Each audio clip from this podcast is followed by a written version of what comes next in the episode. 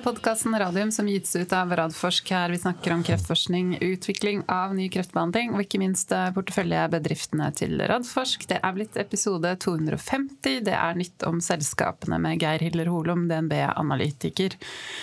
Det er blitt 15. november, klokken er tolv. Velkommen, Jonas Einarsson. Tusen takk, Elisabeth. Og så er du så travel. Så nå er det- kommer du, og så må vi snakke fort og kort, og så ut igjen. Eh, ja, i dag er det litt, litt, litt mye på, på Litt mye tapetet. Ja. Det er greit. Vi skal prøve å klare det, eller så får du bare gå, og så Ja. får vi andre bare fortsette.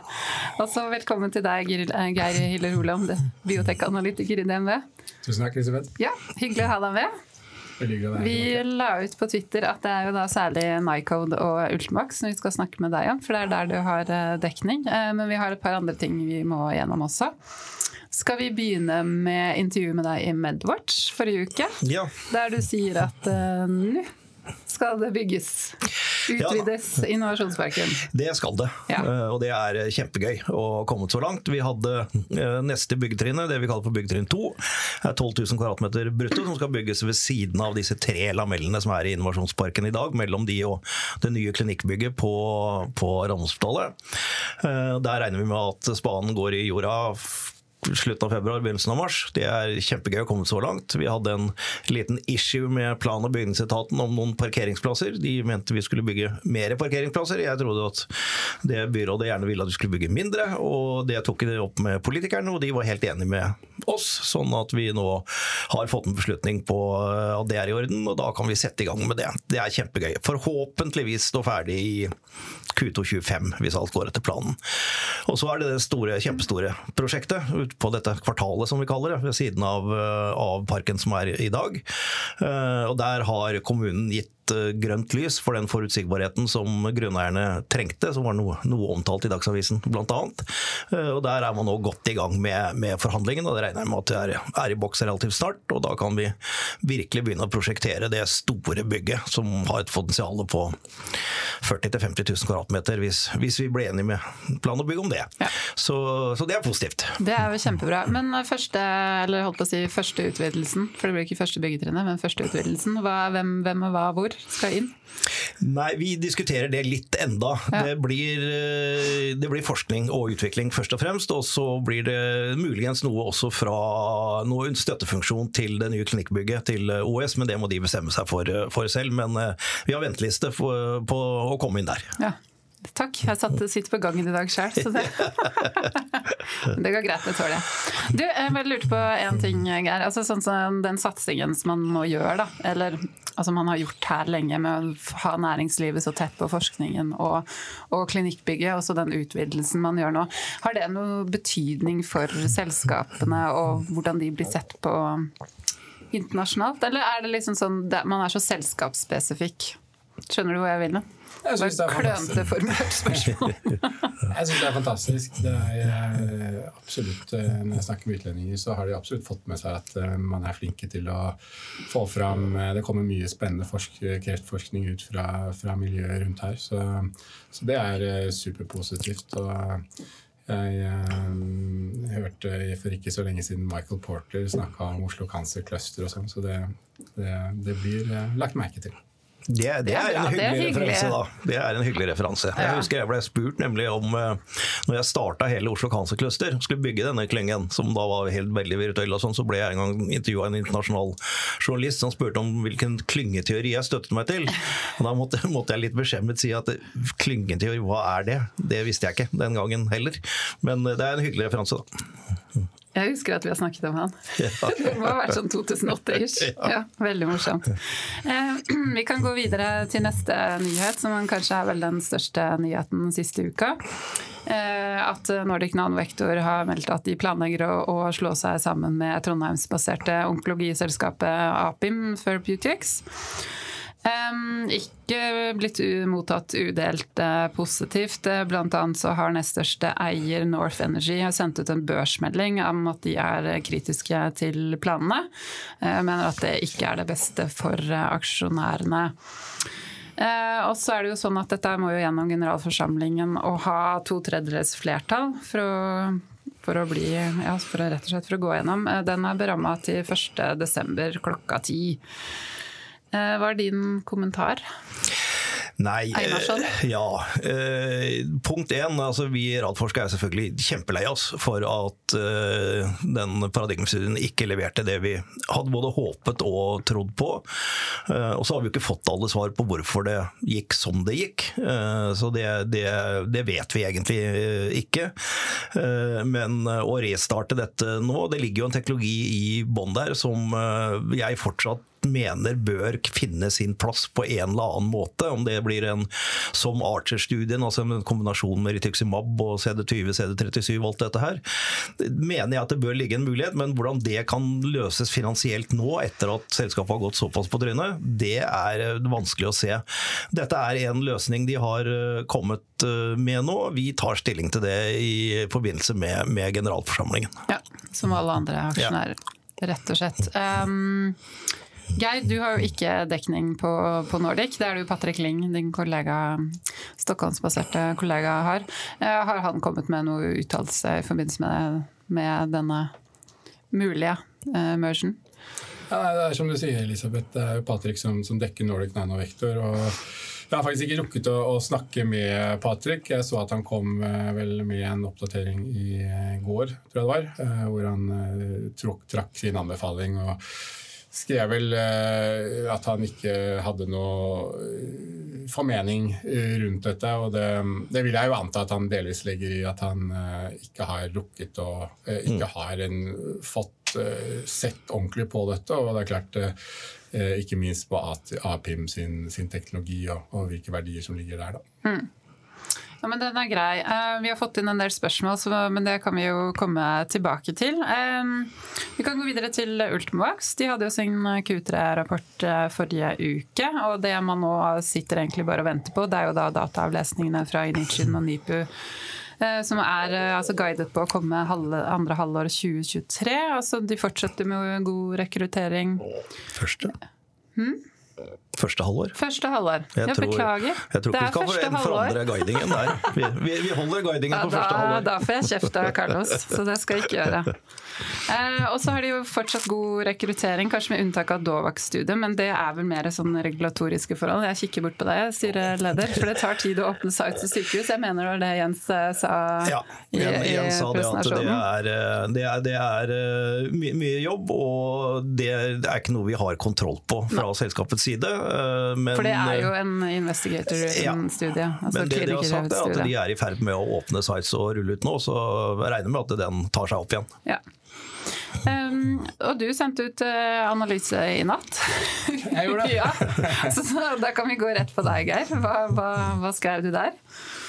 Ja, nei, jeg, jeg har jo det egentlig eh, likt uh, Ultimovax uh, veldig godt hele veien. Så det var jo, um, som, som, som, du sa, det de, Ultimax fortsetter å rekruttere veldig godt, syns vi. Og, og, det er jo kanskje det, det mest spennende i, i denne kvartalspresentasjonen. Ehm, så, så Ultimax er jo i hvert fall blant de selskapene jeg dekker, eh, det helt klart mest spennende hvis man tenker eh, near term, altså innenfor ikke så altfor lang tid. Eh, store potensielle eventer da, med disse to studiene som, som, vi venter i HN23. Så, mm.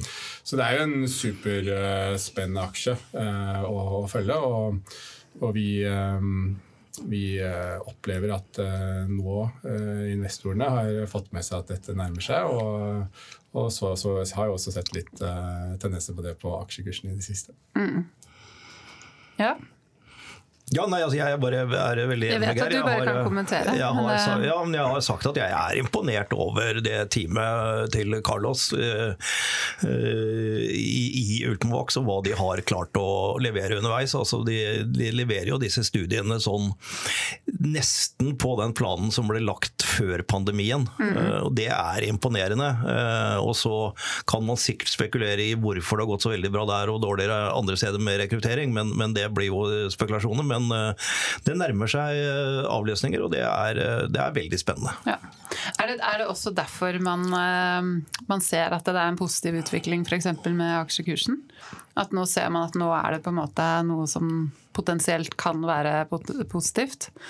Ja, jeg tror absolutt det. Jeg tror det er flere ting. Som Jonas sier, Ultimovax har jo en veldig god track record på å levere det de har sagt. Det blir lagt merke til i aksjemarkedet. Ehm, så er ikke, så er det selvfølgelig eh, en ekstremt spennende tid eh, for selskapet med disse avlesningene som nærmer seg. Og det har vi jo sett flere eksempler på andre selskaper, at når, når man nærmer seg disse eventene, så, så går kursen opp. Og, og det, det er jo fordi man man, man, ønsker jo å tro og håpe at dette her skal mm. fungere. Og så skal man ikke eh, heller se bort fra at de fase 1-dataene vi har sett i det siste, mm. Eh, i den grad man kan, eh, kan, lese noe av Eller vi kan lese absolutt mye av det, men, men med Overføringsverdien. Overføringsverdi, ikke sant? Mm. Så, så, har jo det også vært veldig positivt. da. Mm. Eh, og vi, vi syns absolutt at det har gitt oss enda mer confidence, som det så fint heter på engelsk, da, til at dette her ser ut til å fungere. Så, så det er jo nok flere ting. Eh, mm. Jeg forventer at kursen kommer til å fortsette oppover jeg, nå, eh, mot, mot, avlesningene. Eh, mm. Det, det, er min best guess. Ja, Så bra. Um, gitt positive avlesninger, hva, hva er liksom scenarioene da? Ja, så jeg, jeg, tror at det er eh, mange partnere som eh, allerede har eh, opprettet eller som er i dialog med selskapet, som følger med. Så er jo disse studiene, sånn som vi ser det, veldig godt designet. Mm. Vil gi oss gode svar. Så det er klart, får man en positiv avlesning, så så, så, så, tror vi at uh, partnere vil, vil, være fornøyde med å ha tillit til, til de resultatene. Uh, og, og, at man ikke uh, kommer i den situasjonen hvor man synes, sier at det her var gode data, men vi skulle gjerne hatt en, en større studie. Vi tror at dette her vil gi oss, gi oss gode svar. Så, så, det jeg tror, gitt gode data eh, på, ikke på begge studiene, men, men ikke minst eh, er min oppfatning at markedet er mest spent på melanomstudiet. Ja. Så, så, er min eh, oppfatning at eh, selskapet eh, vil klare å lande en avtale i løpet av 6-12 måneder så tror jeg, det blir spekulasjon igjen, men at, eh, at selskapet nok vil gjøre en emisjon i etterkant av dataene for å selv om de har penger til uh, ut, uh, altså HN, i hvert fall til, ja, til HN24, mm. gjøre én emisjon for å, å, styrke sin forhandlingsevne. Det, det, er min spekulasjon. Så, men det tror jeg ikke vil, eller det er jeg helt overbevist om at det ikke vil være noe problem gitt gode data. og da stiller man i en helt annen forhandlingssituasjon med, med partnere. Så, så det er en veldig veldig spennende tid for selskapet. Og det er klart den UV1-teknologien er jo sånn Eh, at den eh, vil ikke egne seg å splitte opp til en partner i forhold til ulike eh, indikasjoner. Man kan jo dele opp på geografier. Så, så det her blir jo på en måte den store avtalen Ultimovax gjør. Så det er jo en ekstremt spennende tid for selskapet, og det, det opplever jeg at eh, investorer eh, begynner å ta inn over seg. Så, ja. så, det er kjempespennende, og det er jo akkurat det vi trenger nå i norsk biotek. Eh, så, det kan du trygt si. Så, det har vært et tøft, tøft, år, 2022. Så jeg opplever jo at andre selskaper også heier på Ultimovax, fordi ja. vi, vi, ser at vi trenger en en, eh, en positiv spillover-effekt. Spillover ja. ja. Så, så, det er, um, så, det er, Nei, det er kjempespennende. Men vi må innom det andre scenarioet. Gitt ikke gode data. Hva, hva da? Ja, altså Vi kan jo ikke forvente at det vil virke like bra i alle indikasjoner. Eh, så så det er jo ikke svart-hvitt her, det er jo ulike eh, nyanser av grått, kan du si. Så, så det er, blir vanskelig å spekulere i helt eh, hva i alle mulige tenkelige scenarioer. Men, men, eh, men eh, jeg tror at eh, Uh, at det er uh, absolutt Altså, vi, vi, vi, får se, rett og slett. Det, er, det blir bare spekulasjon. Jeg tror, jeg tror det, er, det, er, det er, flere, flere, spennende studier der, flere skudd på mål. Så, og det går også an å, å, å, gå mer inn i dataene hvis man ikke skulle møte sitt primære endepunkt, og, og se om det, det fins subgrupper osv. Så, videre. så Så det er Ja. Nei, det er, det, jeg ser absolutt uh, positivt fram mot disse AVS-ene. Så bra. Vil du kommentere på Nei, altså Vår, vår jobb i Ultimax er å designe gode studier. Uh, og det mener jeg Jens og co. har virkelig gjort med disse studiene her. Og satt opp primærendepunkter som uh, er tøffe, Pluss at vi da sammenligner med gullstandarden, med mm. Ipinivo. Og som hun eh, franske eh, onkologen på den konferansen jeg var på, hun som ledet hele den sesjonen når, de la fram disse resultatene fra 103-studien på Ultimovax Er vi i Edinburgh nå? Ja, i Edinburgh. Hun eh, sa jo at hun syntes det var svært modig. Ja. Og endelig et selskap som torde å sammenligne med gullstandarden. Så vår jobb er å designe studier som dersom de når de primære endepunktene, virkelig har en gjennomslagskraft og så gjennomføre studien, og så levere data. Og så får Geir og andre tolke dataene når de kommer. Ja. Ja, men det, det, er bra. Eh, da kan vi gå videre til uh, Nycode. Uh, jeg bare satt og kikka på nettsiden deres. De har jo hatt en fantastisk newsflow egentlig hele høsten. Det har kommet utrolig mye gode data derfra også. Både på altså den HPV-vaksinen, men også på de persontilpassa vaksinene som de utvikler sammen med Genentech. Um, det tenker jeg egentlig bare høre med deg igjen. Ja. Altså, hva er din analyse av selskapet, Geir? Sånn, ja. som, det, sånn som de legger, legger fram ting nå? Ja, Nycon er jo også et selskap som jeg liker veldig veldig godt. Eh, de har jo ikke, sånn som Ultimovax, eh, kjente store fase 2-avlesninger. I hvert fall ikke randomiserte nå neste halvår, men, men, vi får jo en oppdatering på, på livmorhalsdataene neste halvår, da, så det blir jo veldig veldig spennende. Så, eh, nei, Og så har det jo vært en del nyhetsdrypp i den siste tiden. Eh, vi fikk jo eh, noe mm, på Neo, så det var veldig spennende. Mm. Det var jo litt sånn hvert, jeg vil ikke si helt uventet, men i hvert fall ikke noe vi kunne forvente. Da. Mm. Så, og det var jo veldig spennende data fra den uh, første studien som, som, de, som, de, initierte før de inngikk avtale med Genentech. Uh, der vi, der vi, så um, vi har jo, Sist gang vi så noe data derfra, var jo i 2019. Ja, så, Når de hadde kapitalmarkedsdag. Mm. Det husker jeg. Så, eh, så, det var jo veldig eh, fint å se eh, data for flere pasienter der. Mm. Og det var jo veldig veldig spennende data, syns vi. Gode data. veldig gode og brede immunresponser. så fikk vi jo ikke noen sånn kliniske altså tumorreduksjonsdata, som selvfølgelig hadde vært enda mer spennende. men, men men, eh, men, det sa Genentech nei til, sånn som vi forstår det. Og, og det, det syns vi også gir mening i en sånn såpass tidlig fasestudie, hvor man man tester litt forskjellig. Så, så det var veldig spennende. Og, og, i den grad vi kan sammenligne immunresponsdata med de begrensningene, så, så syns vi at de var veldig veldig gode og, og, bedre enn det vi har sett på Biontech f.eks. Så for å sette det litt i perspektiv. Så, mm. så det er jo en eh, ekstremt spennende eh, selskap og teknologi. Så det er, eh, det er superspennende. Mm. Er bra. Ja, nei, jeg er veldig enig med, med Geir. Jeg syns også de immunresponsene ser veldig, veldig spennende ut. Eh, og når vi nå ser eh, alt dette i sammenheng da, med, med forskjellige typer kreftvaksiner, og ser at teorien om at med å kombinere med, med, flere typer immunterapi, så har det noe for seg. Og alt peker jo i den retningen, og det, det gjør det her også. Så, så jeg syns det er veldig spennende. Og jeg er helt enig med Jeg skulle gjerne sett, selvfølgelig, er nysgjerrig på de tumorreduksjonsdataene, men, men, for et selskap som Gentex er det helt uinteressant å publisere det. For våre små selskaper så er det interessant, fordi vi trenger noe som peker i en riktig retning mm. for å styrke selskapet og for å hente inn penger og, og alt dette. men, men for, for, et så stort selskap, så er det egentlig helt uinteressant. Og, og de, de, vil egentlig ikke, ikke, ut med det. Og det er litt sånn, det er price to pay, men, men ta skrittet tilbake og se at de, de, har faktisk betalt en del for å få lov til å ikke komme med de dataene hvis de, hvis de ønsker det. Så det, det, er jo den valideringen de har gjort med disse avtalene, det er der verdien i, i Nycod ligger, etter, etter min mening. Mm.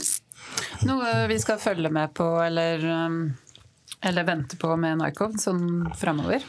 Ja, absolutt. Jeg vil bare også nevne de, disse livmorhalsdataene vi også fikk en sånn oppdatert på. Det var jo egentlig det samme datasettet som vi så i mai eh, i forbindelse med den kapitalmarkedsdagen og dataslippet mm. der. Da. Eh, så det var ikke at vi har fulgt pasientene lenger, men, men, det var at man fikk kan du si, mer granulerte analyser, da, hvor man, man så at uh, de som hadde respons, var de som hadde hatt én eller to tidligere behandlingslinjer. Og, og Det er klart, uh, det syns vi var veldig spennende, for det, da, kan du, da kan du lettere sammenligne kan du si, med med sammenlignbare studier som, som, kanskje har vært litt mer restriktive i forhold til inklusjon. Og det er klart da spratt jo ORR opp. Eh, så, så det var jo også veldig spennende data. og, og og vil nok eh, sannsynligvis eh, absolutt eh, eller tas med i betraktningen i forhold til design av neste fasestudie, mm. og hvor, hvor, restriktiv man skal være i forhold til inklusjon. Da. Mm. Så, men og, og, litt sånn i, tilbake til spørsmålet ditt, så, så, forventer vi jo en oppdatering eh, i år. altså i løpet av eh, Nå har vi vel en og en halv måned igjen av året. Eh, det har selskapet bekreftet at vi får en oppdatering på deres strategi på nettopp VB10-16-vaksinen. Ja. Mm. Så det blir jo veldig spennende. Jeg, det er jo bare spekulasjon, men jeg vil jo kanskje tippe at det vil være i forbindelse med Q3.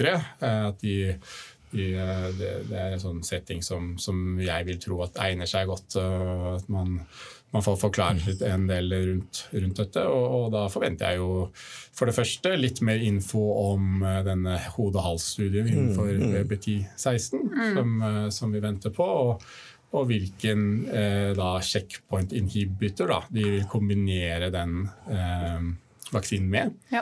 Eh, og, for vi som følger selskapet veldig tett, så, så, så syns vi det er veldig spennende å se hvem det blir. For det vil nok, eh, sånn som vi ser det, eh, da indikere at denne partneren også syns at livmorhalsdataene er spennende. Da. Mm. Så jeg forventer vel egentlig ikke noe sånn kommersiell avtale sånn i første omgang, men, men, at denne partneren da kanskje har uh, sagt at uh, hvis disse dataene blir som vi forventer nå neste halvår, så, så vil vi inngå en eller annen slags avtale på, på Limoras også. Da. Og så mm. får vi jo se om, om selskapet kommer med noen noe, noe innsikter rundt hva de tenker om neste fase på livmorhals også, og i hvilken hvordan eventuelt eh, de gjør det, om de gjør det selv eller i et partnerskap eller en sånn slags mellomløsning hvor de, hvor de mm. driver det selv, men, men kanskje en partner uh, ligger bak der. Så, så det, det, er en begivenhet vi, vi ser fram til. Ja. Mye som skjer der også. Mm. Mer kommentarer? Nei da, altså, jeg, jeg, er bare veldig, veldig eh, enig med Geir. Det er, det er viktige valg som nå de skal ta. og Det er altså hvilken indikasjon, hvilken kombinasjon, analyse av standard of care de nærmeste fem, seks, syv årene innenfor denne indikasjonen. altså alle de, Å treffe med, med ja, hvordan du ja, det, det, er virkelig en utfordring. Ja. Å treffe sånn at den dagen du kommer med data, så er fortsatt et åpent marked og et vindu for å gå videre der. Så nei, det er spennende. Så bra. Vi kan gå videre til neste vaksineselskap. Eh, Hubro de melder jo da at de kjøper den GM-CFS-vaksineadjuvansen fra Targovax eh, for 10 millioner kroner. Og skal videreutvikle den som adjuvans for sine vaksinekandidater. Et lite oppkjøp mellom uh, ja, innad i porteføljen, ja, ja, kan vi vel si. Det er jo veldig hyggelig, da. Ja. Eh, fordi dette er jo den uh, samme type Det er ikke nøyaktig det samme, men det er samme type audians som Ultimovax bruker. Mm. Og i Targovax, da var jeg styreleder i Targovax, så, så mente vi at det var veldig viktig å ha kontroll på, også på adjuvansen, og ikke ha en sånn tredjepartsproblematikk i, i forhold til det. og jobbet ganske mye med det. Og var kommet ganske langt når vi fikk resultatene fra den uh, bukspyttkjertelkreftstudien. Uh, men da kom jo Folfirinox, som alle kjenner den historien der. Uh, og da ble den liggende, og så har jo de nå valgt å gå videre med en annen type adjuvans i, i sine studier. Og da er det en helt utmerket deal for Hubro å kunne bruke den jobben som er lagt ned i, i dette, og videreutvikle dette på, på egen kjøl her. Og så får vi jo da litt igjen for alt det som ble lagt inn av både penger og ressurser i den jobben vi gjorde i Targovaks i sin tid. Så dette er veldig hyggelig. Mm. Ja, men det er bra. Altså, Targovax har jo sånn som jeg skjønner det, ikke bruk for den lenger, for de har jo gått over til noe, en annen adjuvans også. Det så det er jo et rasjonale for de, for de også. Um, Hubro med styreleder Øyvind Kongstuen Arnesen var jo med i forrige ukes eh, podkast, hvor de slapp en spennende nyhet om et finske selskap. Så det, det, hørte du på, eller? For en gangs skyld så kunne du hørt på uten å høre ja, på deg sjøl. Jeg har ikke hatt tid, Elisabeth, men jeg skal se om jeg får tid til det. Nei, du skal slippe. Det var en spøk. Uh, bare to kjappe nyheter nyheter, og så skal vi gå over til eh, spørsmål, for vi har fått inn en del spørsmål. Eh, for det første så er det veldig morsomt og hyggelig å se at Leif Rune Simon er blitt eh, direktør i LMI. Ja. Det, det, er gøy. Det er Vi kjempe... kjenner jo han langt tilbake fra. Ja, da helt tilbake fra, fra Nansen, Neuroscience Network. Ja, og vi til og med delte kontor. Ja, ja, Om ikke kontor, så kontorlokaler. Nei, det er en dyk, dyktig kar, så det er kjempefint. Og uh, også erstattes da av Ole Dahlberg, ja, det var det neste. som også er en veldig god bekjent av oss. Som jo var sjef for Thermo Fisher her i Norge. Hadde ja, og hadde høy... stor jobb bort på hovedkontoret i, i USA. Og kom hjem for var nå, et et år, halvannet siden. Og det er mange av oss som har eh, ivret for at Ole skulle fortsette innenfor eh, bransjen vår, og det mm. gjør han jo nå, så det syns jeg er veldig hyggelig. Ja. Eh, det er det. Da kan vi gå over til spørsmålene. Vi kan ta de spørsmålene om Nordic først. Altså, det er en veldig skuffet aksjonær. Jeg skal ikke lese hele den mailen. men i forhold til den skuffelsen man sitter med, da, noen som på en måte mener at ikke de er helt fornøyd med den, eh, med den dealen som ligger på bordet nå, eh, så er liksom spørsmålet om vi kan dele noen meninger og tanker om, om dette. Det er ikke noe mer enn det jeg allerede har sagt. Altså, vi er som sagt eh, selvfølgelig veldig skuffa over at det så langt ikke lykkes med, med teknologien. Mm. Har fortsatt et håp om at ikke teknologien blir borte. Og så har vi ikke tatt stilling til dette forslaget som ligger på bordet nå. Nei. Um, og så går det et, et, spørsmål her også på det med mm, at aksjonærene ikke har fått noen måte informasjon eller debriefing rundt paradigme eller oppsummering av status for selskapet. Nei, Det er jo riktig at vi ikke har Og det er mange ubesvarte spørsmål uh, som jeg gjerne skulle hatt svaret på, men uh, det må nesten eh, Jan Egberts og co. svare for hvorfor ja. og hvordan de kommuniserer. Men, men, hvis vi kan trekke det på et mer sånn generelt nivå, da, ikke, ikke, bare snakke om, om, om Nordic. Altså, hva, hva, kunne de gjort annerledes? Hva burde, de, hva burde man egentlig hvordan, Hvis man skal gjennomføre en sånn type merge da, mellom to norske biotekselskaper, hvordan burde man snakke med aksjonærene? I en perfekt verden. I en perfekt verden. Nei, det er jo, det er jo eh, veldig vanskelig å si noe særlig før man har noe å legge frem for aksjonærene. Og det er jo det de, de har gjort nå. Hvordan kommunikasjonen mellom Carnegie og, og, disse store aksjonærene har vært underveis, det vet jeg ikke noe om. Så om det har vært kommunikasjon eller ikke, det vet jeg ikke. Nei. Geir ser bort. Han vil ikke ha noe spørsmål om det. Det er greit. Men da går vi egentlig bare videre til de spørsmålene om uh, første spørsmål er at målet for Initian-studien, primærendepunktet, er progresjonsfri overlevelse. Altså når 70 pasienter når endepunktet vil gjøres opp status. Spørsmålet hva kan man si er en bra slash dårlig avlesning for UV1? Hvor mye bedre må UV1 vise seg å være? Altså, jeg kan godt svare på Vi har satt opp eh, mål for primære endepunkter. Og mm. vi kommer til å meddele når vi har dataene om vi har nådd primære endepunktene eller ikke. Ja. Eh, har vi nådd de, så er det et svært godt resultat. og det er de vi må Men hvis vi ikke når de, men allikevel er i nærheten, så kan det også være et godt resultat. Da må man analysere. Så det er som Geir, Geir sier. Hvis vi når primære endepunktene, så er det veldig bra. Hvis vi, man ikke når de 100 så betyr ikke det at det er dårlig. Da må man analysere og forklare. Skjønner. Mm. Da Ja, jeg ja. Ikke, vil ikke overprøve styreleder på det. Eh, neste spørsmål. Eh, når oljeselskaper skal bore en brønn, guider de på KOS, Chance of Success. Som ikke-medisinutdannet er det svært vanskelig å gjøre seg opp en mening om hvor sannsynlig det kan være at UV1 vil oppnå en positiv avlesning, på samme måte som det er vanskelig å anta hvor sannsynlig det er at et oljeselskap kan finne olje når man ikke er geolog. Det er virkelig helt enig i. Regner med at du som analytiker har klare tanker rundt initium chance of success. Hvor sannsynlig og, og anslår du det hvor sannsynlig anslår du det er at Ultimax når primærendepunktet i Initium-studien? Ja, Her har dere jo analyser.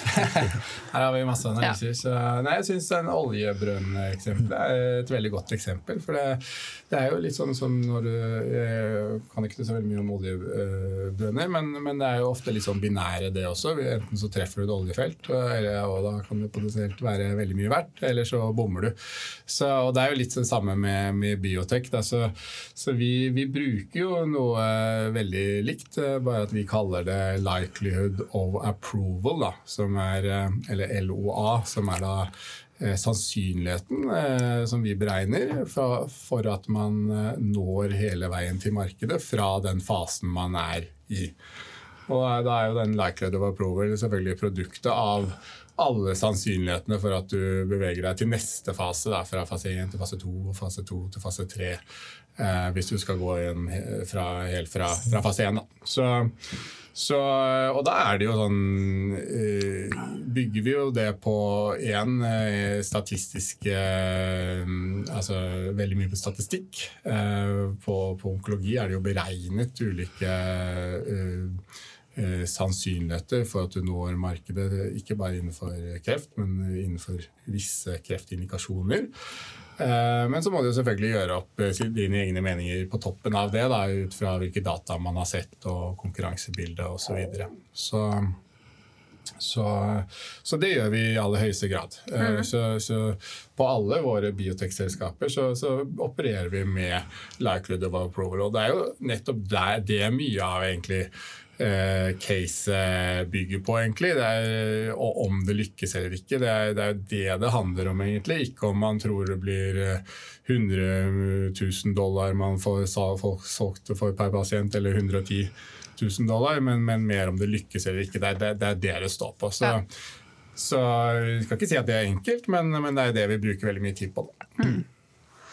Veldig bra. Neste spørsmål. Markedet for sjekkpunkthemmere alene er på rundt 400 milliarder i året, med andre ord stort eller enormt. Eh, om UV-en viser til økt overlevelse i kombinasjon med noen av verdens mest stolte sjekkpunkthemmere, som også snart går ut på patent, hva kan verdien av en lisensavtale for UV1 slash salg av selskapet være verdt? Ikke vanskelig å tenke seg at en blue sky-scenarioet i Ultimax overgår oppsiden i de fleste andre selskaper notert på Oslo Børs? Nei, jeg, er helt enig. Det er klart Sjekk på en inhibitor er jo eh, et enormt marked, eh, som du sier. Mm. Keytruda er jo spådd å være den mestselgende medisinen i 2026, uavhengig av hvilket sykdomsområde du ser på. Mm. Du ser på diabetes eller uh, hjerte eller uh, revmatologi. Så, så, det er klart det er jo et uh, veldig riktig område å være i, immunterapi, og, og kombinere det med checkpoint inhibitor. Så, så, en potensiell partner sånn som vi ser det, er jo absolutt de usual suspects. altså mm Eh, de som leverer checkpoint inhibitorer, som vil eh, potensiere effekten av det. Ikke minst fordi patentene etter hvert begynner å gå ut, mange av de. Men, eh, men sånn som Carlos sier, så, så er nok også de eh, som ikke har det, også en potensiell partner, sånn som f.eks. Pfizer, som, som, som, ser at her er en måte å komme oss inn på dette spennende markedet på, og være litt mer sånn som kan kan tilby denne til eh, litt sånn flere. Da. Så, så det er eh, et eh, kjempestort potensial, som, som jeg ser det, hvis, mm. hvis dette viser gode data nå neste halvår. Og det er jo klart, som, som vi har snakket om tidligere, Farma har veldig mye penger. så den markedsverdien på 2,5 til 3 milliarder kroner er jo ingenting for disse farmaselskapene. Så Så um, det er kjempespennende tider nå. Mm. Så bra. Det er enda et spørsmål om uh, sjekkpunkt, uh, Hemmer. Gitt at U1 alltid skal kombineres med en eksisterende slash eller i hermetegn dyr sjekkpoint checkpoint inhibitorbehandling, og da som et supplement, hvordan kalkulerer dere prisen av U1 i en sånn setting?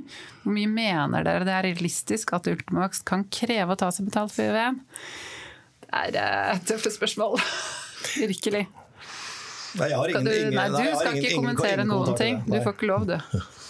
Ja, altså vi, um, det er jo vanskelig å, å, å sette en, en pris på det, men vi forsøker jo. Og vi har 150 000 uh, dollar i USA, og i, i Europa så pleier det å være ganske mye lavere, så da har vi 105 000 dollar i våre analyser. Da. Um, så um, Eh, Ja, det er, alltid liksom, det er alltid vanskelig med disse checkpoint inhibitorene. har jo disse listeprisene, men det er jo ikke det egentlig sykehusene betaler heller. Så, så det, er ikke, det er ikke enkelt, men, eh, men eh, ut fra de, eh, det vi ser på andre typer behandlinger, så, så er det absolutt noe vi mener kan forsvares og regnes hjem. Da. Så bra. Det var, eh, det var spørsmålene. Er vi på tida, eller? Vi er på tida, Ja, så så det bra. er utmerket. Ja, det er bra. Eh, Veldig hyggelig å ha deg her igjen. Jeg tror jeg kan forskuttere på at vi skal ha en livepodkast sammen med DNB Utbytte og Marius eh, Brunhaugen, din kollega, hvor du også skal være med eh, 15.12. Ikke alt er klapt og klart, men nå har jeg sagt det, Marius, nå må, du, nå må, vi, nå må vi få det til. Um, neste uke så skal vi ha med oss Torbjørn Furseth i Doomore Diagnostics, for der har det skjedd eh, positive ting siden sist. Det er ganske lenge siden han var med oss. eh. Og så uken etter så skal vi ha med hun som er ansvarlig for eh, kliniske studier i Onkoinvent. For der også tror jeg det skjer eh, mye bra, mye spennende. Em, og da begynner vi snart å nærme oss jul, tror jeg. Det skal vi satse på. Men noen har sagt meg at det snart er jul. Jeg prøver å være in denial Ja. enn så lenge. Takk igjen for at du var med, Geir. Tusen takk. Takk Takk. for at jeg fikk komme. Takk for i dag. Takk for i dag.